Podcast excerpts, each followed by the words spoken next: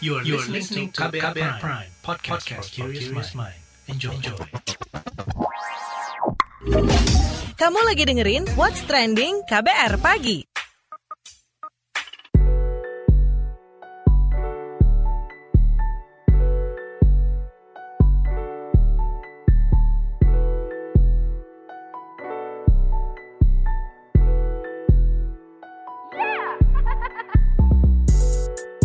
KBR Pagi, siaran pagi radio paling update. Selamat pagi, apa kabar Anda hari ini di hari Senin 1 Februari 2021? Ketemu lagi dengan saya Don Brady di What's Trending KBR Pagi.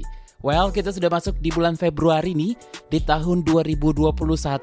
Huh, nggak kerasa ya. Udah masuk di bulan kedua. Mudah-mudahan semuanya dalam keadaan baik-baik saja, sehat selalu, tetap semangat menghadapi hari-hari di tahun 2021 pastinya. Well, by the way, Belakangan masyarakat Indonesia itu dihebohkan dengan virus Nipah. Jadi, virus ini menyebabkan kematian sekira 40-75% bagi orang yang terinfeksi. Organisasi Kesehatan Dunia atau WHO memasukkan Nipah ke dalam salah satu patogen yang diidentifikasi sebagai ancaman kesehatan. Sementara menurut epidemiolog dari Griffith University Australia Diki Budiman, sejak awal ditemukan di Malaysia pada 1998, virus ini terus dipantau karena punya potensi menyebabkan pandemi. Ilmuwan pun menyarankan manusia menghindari interaksi langsung dengan kelelawar untuk mencegah tertular virus Nipah. Peneliti mikrobiologi dari Lembaga Ilmu Pengetahuan Indonesia atau LIPI, Sugiono, menyatakan Kelelawar ini berjenis Petropus berukuran besar, berbeda dengan jenis kelelawar yang jadi inang virus corona. Kelelawar pembawa virus ini biasanya hidup di kawasan Asia seperti Malaysia, Indonesia, India, dan Bangladesh. Di Indonesia sendiri, Sugiono memperkirakan kelelawar jenis ini banyak muncul di daerah Sumatera yang secara geografis dekat dengan Malaysia. Lalu, apa penyebab kelelawar ini bisa berekspansi ke populasi manusia? Sugiono menyebutkan deforestasi jadi salah satu faktornya. Kita dengarkan uh, ada beberapa faktor yang menyebabkan kelelawar ini bisa berekspansi ke populasi manusia gitu. Misalkan saja penebangan hutan ya atau deforestasi, kemudian penambangan yang pada intinya mengakibatkan habitat mereka menjadi terancam kan. Berarti memang mereka sudah tidak punya rumah lagi yang ya memang dikhawatirkan nanti mereka bisa berekspansi ke populasi manusia gitu. Dan ya ini tentunya sangat berisiko sekali ya karena nantinya juga meningkatkan resiko interaksi, meningkatkan resiko transmisi penyakit juga ke manusia. Nah sebelum kita obrolkan lebih lanjut, kita simak dulu opini warganet plus 62 berikut ini.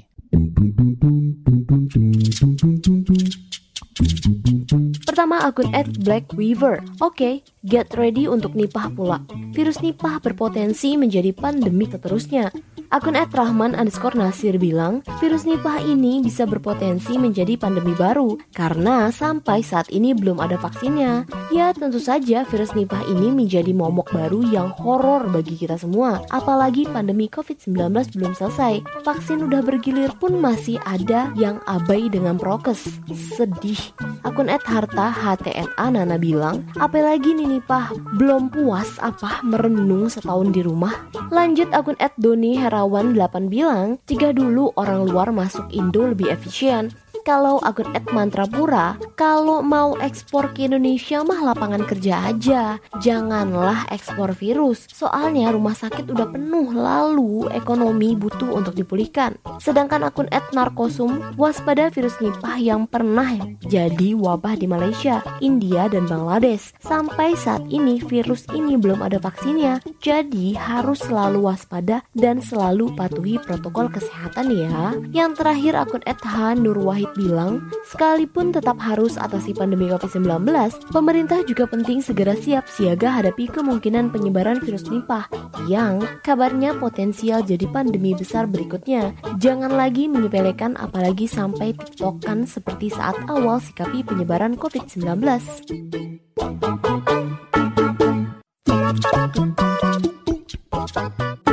What's Trending KBR Pagi kita lanjutkan ngobrol soal mewaspadai virus Nipah.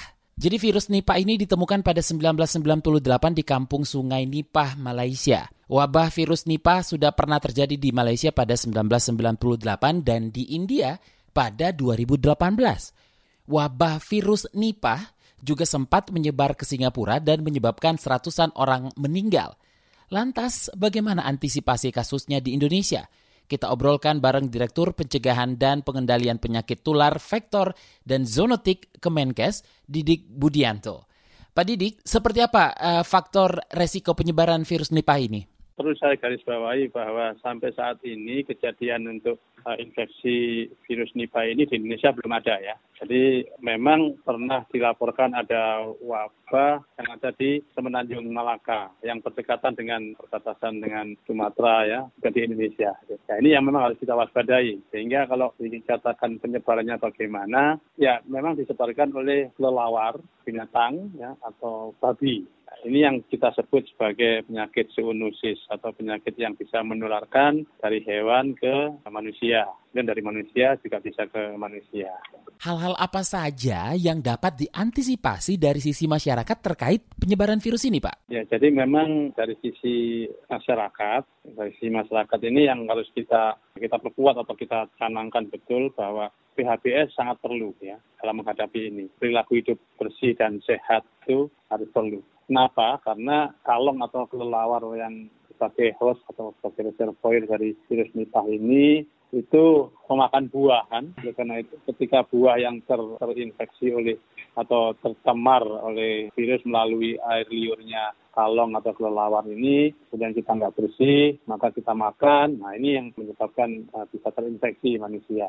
Atau kita juga harus hati-hati misalnya. Rasanya enak mas, kalau kita, lihat mangga itu keroak gitu ya tas itu, wah ini mesti manis ya diambil kemudian sisi sebaliknya nah, dimakan tanpa harus cuci bersih. Nah ini juga harus hati-hati karena memang manis mangga itu rasanya, tetapi menjadi blunder kalau misalnya kita lakukan seperti itu ketika kita dekat di peternakan babi misalnya karena memang dua binatang ini yang menjadi penyebab apa reservasinya gitu Nah, masa inkubasinya itu berapa lama? Ya, sekitar 4 sampai 14 hari. Tapi memang ada beberapa penelitian yang memperlihatkan sampai 45 hari, cukup panjang gitu ya. Tapi eh, sebagian besar 4 sampai 14 hari. Oke, bagaimana pesan terhadap masyarakat? Yang jelas nggak nggak perlu khawatir ya, nggak perlu khawatir karena kewaspadaan dari sisi apa, pemerintah sendiri dan dalam hal ini Kementerian Kesehatan ini sudah ada yang semacam kolaborasi antara antar kementerian untuk menjaga agar tidak terjadi penularan dari luar ke dalam yaitu yang kita sebut sebagai pendekatan One Health antara Kementerian Kesehatan, Kementerian Pertanian, dalam hal ini adalah Departemen Dirjen Peternak Kesehatan Hewan dan juga Kementerian Lingkungan dan Kehutanan. Nah, ini sudah menjaga, terutama dalam sisi surveillance-nya, sehingga kalau terjadi sesuatu langsung bisa kita ambil kebijakan bersama. Nah, ini dari sisi kebijakan-kebijakan supaya masyarakat tidak terlalu risau dengan hal ini, tapi tetap waspada, apalagi di dalam uh, kondisi masa COVID-19 ini yang belum selesai. Jadi karena itu tetap bahwa PHBS 3M itu itu yang harus juga kita jaga. Salah satu PHBS-nya kan mencuci tangan dengan bersih ya pakai sabun. Nah seperti itu. Okay. Juga kalau misalnya makan makanan pun juga terutama makan buah ya atau makan daging uh, babi itu jangan setengah matang kalau bisa ya matang seperti itu. Terima kasih Direktur Pencegahan dan Pengendalian Penyakit Tular Vektor dan Zoonotik Kemenkes Didik Budianto. Newsbeat. Di tengah pandemi COVID-19, Gubernur New York Andrew Cuomo bakal mencabut larangan makan di restoran pada hari kasih sayang 14 Februari mendatang. Cuomo pun dianggap telah mendengarkan aspirasi para pengusaha kuliner yang kesulitan di tengah pandemi COVID-19. Namun, pemerintah tetap membatasi kuota pengunjung sebesar 25%. Kebijakan ini diambil setelah pemerintah melihat tingkat keterisian rumah sakit dan mempertimbangkan penanganan pandemi di kotanya. Meskipun pemerintah melonggarkan kebijakan penanganan pandemi, mereka tetap akan melihat dan memperingatkan akan kemungkinan kasus COVID-19 yang bisa melonjak ke depannya. Tiongkok memulai pengoperasian pembangkit listrik tenaga nuklir pada Sabtu 30 Januari kemarin. Reaktor nuklir pertama milik pemerintah Tiongkok ini dikelola oleh perusahaan nuklir nasional Tiongkok untuk keperluan komersil. Inti reaktor ini pun diproduksi sendiri di dalam negeri dan diperkirakan dapat beroperasi hingga 60 tahun ke depan. Pembangkit listrik tenaga nuklir ini pun berada di kota Fuqing, Provinsi Fujian. Sebelumnya eksperimen ini diragukan oleh banyak pihak karena dianggap terlalu mahal serta beresiko bagi peradaban di bumi. Pemerintah Kanada mewajibkan para pelancong membayar sekitar 21,9 juta rupiah untuk melaksanakan karantina setelah memasuki wilayahnya. Kebijakan baru ini mewajibkan para wisatawan melakukan karantina selama tiga hari di hotel sebelum hasil tes COVID-19 keluar. Wisatawan pun akan diawasi oleh pemerintah. Jika hasil tes menunjukkan wisatawan negatif COVID-19, maka mereka bisa melanjutkan karantina selama 14 hari di tempat mereka singgah. Namun, jika hasilnya positif, wisatawan akan dibawa ke tempat karantina pemerintah. Kebijakan ini diambil oleh pemerintah untuk mencegah penyebaran virus COVID-19.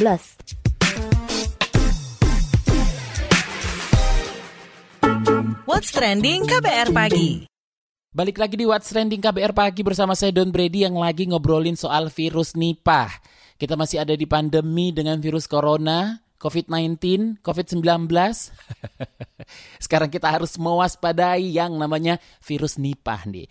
Jadi sejak kemunculannya 20 tahun yang lalu, belum ada obat, terapi, atau vaksin sebagai penangkalnya nih.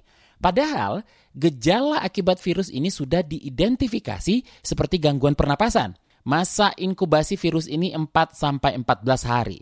Orang yang terinfeksi biasanya mengalami demam dan sakit kepala selama 3 hingga 14 hari. Lalu apa saja yang perlu diwaspadai masyarakat agar tak ada penularan virus secara masif hingga bisa muncul pandemi baru? Kita obrolkan bareng ahli epidemiolog Universitas Erlangga UNER Surabaya, Dr. Windu Purnomo. Dokter, saat ini virus Nipah tengah jadi sorotan dan dikhawatirkan jadi pandemi berikutnya. Bagaimana kita perlu menyikapinya? Tindakan apa yang pemerintah perlu ambil untuk mencegah adanya kasus di Indonesia? Apa pun penyakit menular itu, ya semua berpotensi menjadi wabah. Ya dan tentu kalau epidemi kan hanya seluas wilayah yang tidak lintas batas negara ya, provinsi, kabupaten kota atau negara gitu aja tapi juga berpotensi untuk menjadi pandemi. Itu semua penyakit menular. Ya, baik itu penyakit menular yang yang asalnya dari hewan, ya, jadi zoonosis gitu ya, atau yang memang antar manusia yang bisa dikenal penyakit itu antar manusia. Di dalam epidemiologi itu ada namanya surveillance epidemiologi. Jadi kita harus selalu melakukan surveillance, apalagi kalau misalnya di luar ya sudah ada tanda-tanda Nah, ya sama seperti kemarin sejak Desember 2019 kan sudah terdengar ada kasus meskipun belum pandemi saat itu, yaitu kasus SARS-CoV-2 di Wuhan. Kemudian terdengar juga sudah merambat di, di negara lain. Nah, kita kan nggak waspada itu. Kenapa? Karena kita tidak melakukan surveillance. Kita waspada gitu ya. Jadi kita harus mencari alat, ya kalau kita belum punya ya. Tapi saya kira di lembaga-lembaga penelitian di universitas maupun contohnya di Ekman, saya kira bisa lah mendeteksi virus Nipah ini yang berasal dari hewan. Dan itu kita harus sudah melakukan surveillance, jadi jangan terlambat. Itu salah satu cara untuk supaya kita tidak kebobolan lagi. Jadi surveillance epidemiologi. Nah, bagaimana potensi penyebaran virus ini dan apakah yang perlu dipersiapkan pemerintah ke depannya terkait virus Nipah ini? Nipah yang berasal dari hewan, ya, dan memang sudah bisa menulari manusia, ya kan? Jadi kan yang kita baca bahwa virus ini dibawa oleh hewan melalui air liurnya salah satu, ya kan? Dan sifatnya zoonosis ini virus yang hanya beredar di antara hewan saja, itu hanya menulari pada sesama hewan. Tetapi kita tahu bahwa virus itu mudah mutasi. Ya saya tidak tahu yang virus Nipah ini virus apa ya. Kalau virusnya adalah virus RNA seperti COVID-19 ini, SARS-CoV-2 ini, ya gampang mutasi. Ya, mutasinya itu bisa tadi berubah virus yang tadinya hanya bisa saling menulari sesama hewan, bisa menulari meloncat ke manusia. Nanti antara manusia dengan manusia dan sebagainya. Nah, jadi itu hasil mutasi semua itu. Nah, jadi makanya kita harus selalu melakukan surveillance tadi, ya, baik surveillance epidemiologi biasa maupun yang genomik. Ya, genomik itu artinya melihat kemungkinan mutasi-mutasi itu gitu.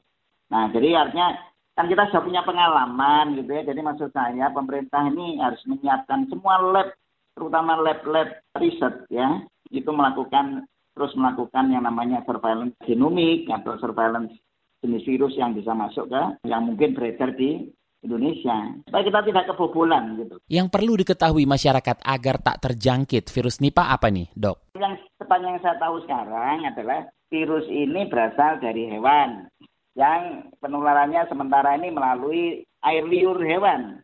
Jadi kalau jadi protokol kesehatannya jangan makan buah-buahan yang sudah misalnya sudah digigit hewan, gitu ya, jadi codot misalnya. Kalau ada buah jatuh ya yang matang gitu ya, jadi krowok ada krowoknya itu, nah, jangan dimakan, gitu loh ya. Kemudian setiap makan mau makan buah, makan sayuran, mau makan daging apa pun harus dicuci yang betul-betul bersih. Tapi kalau nanti dia ketahuan juga, ini kan masih sementara yang saya saya dengar ya punya potensi untuk menular antar manusia. Nah, sekarang penularan antar manusia melalui apa? Itu dulu harus tahu.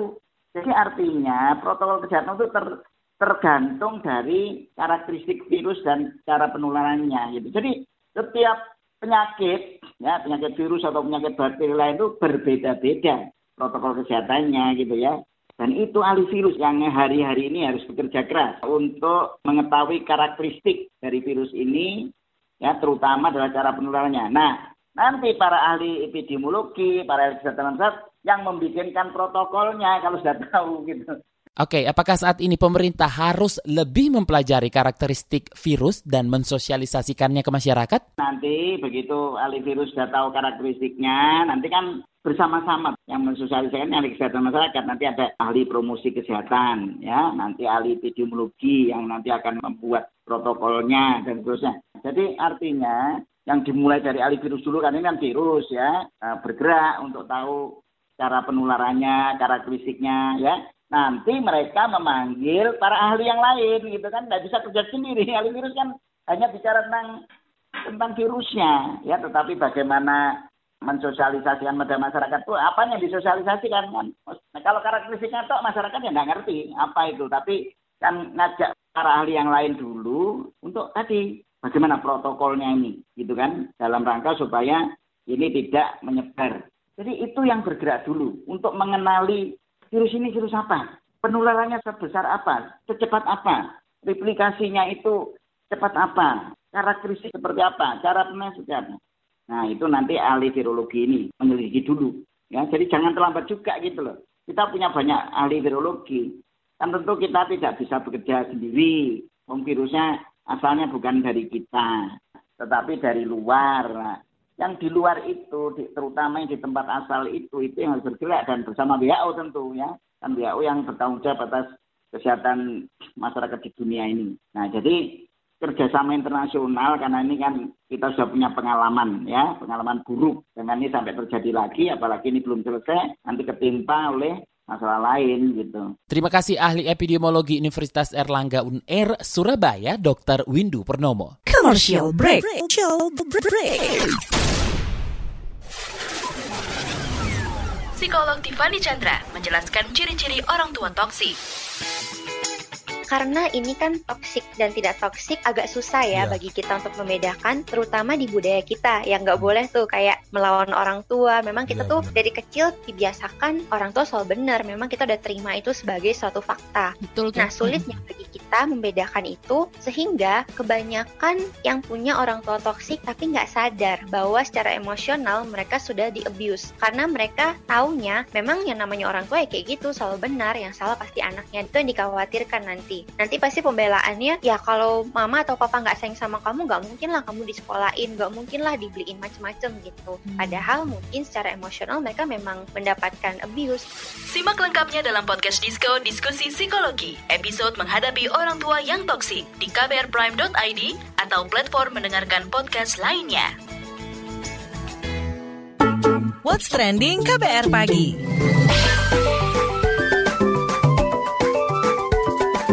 WhatsApp Indonesia.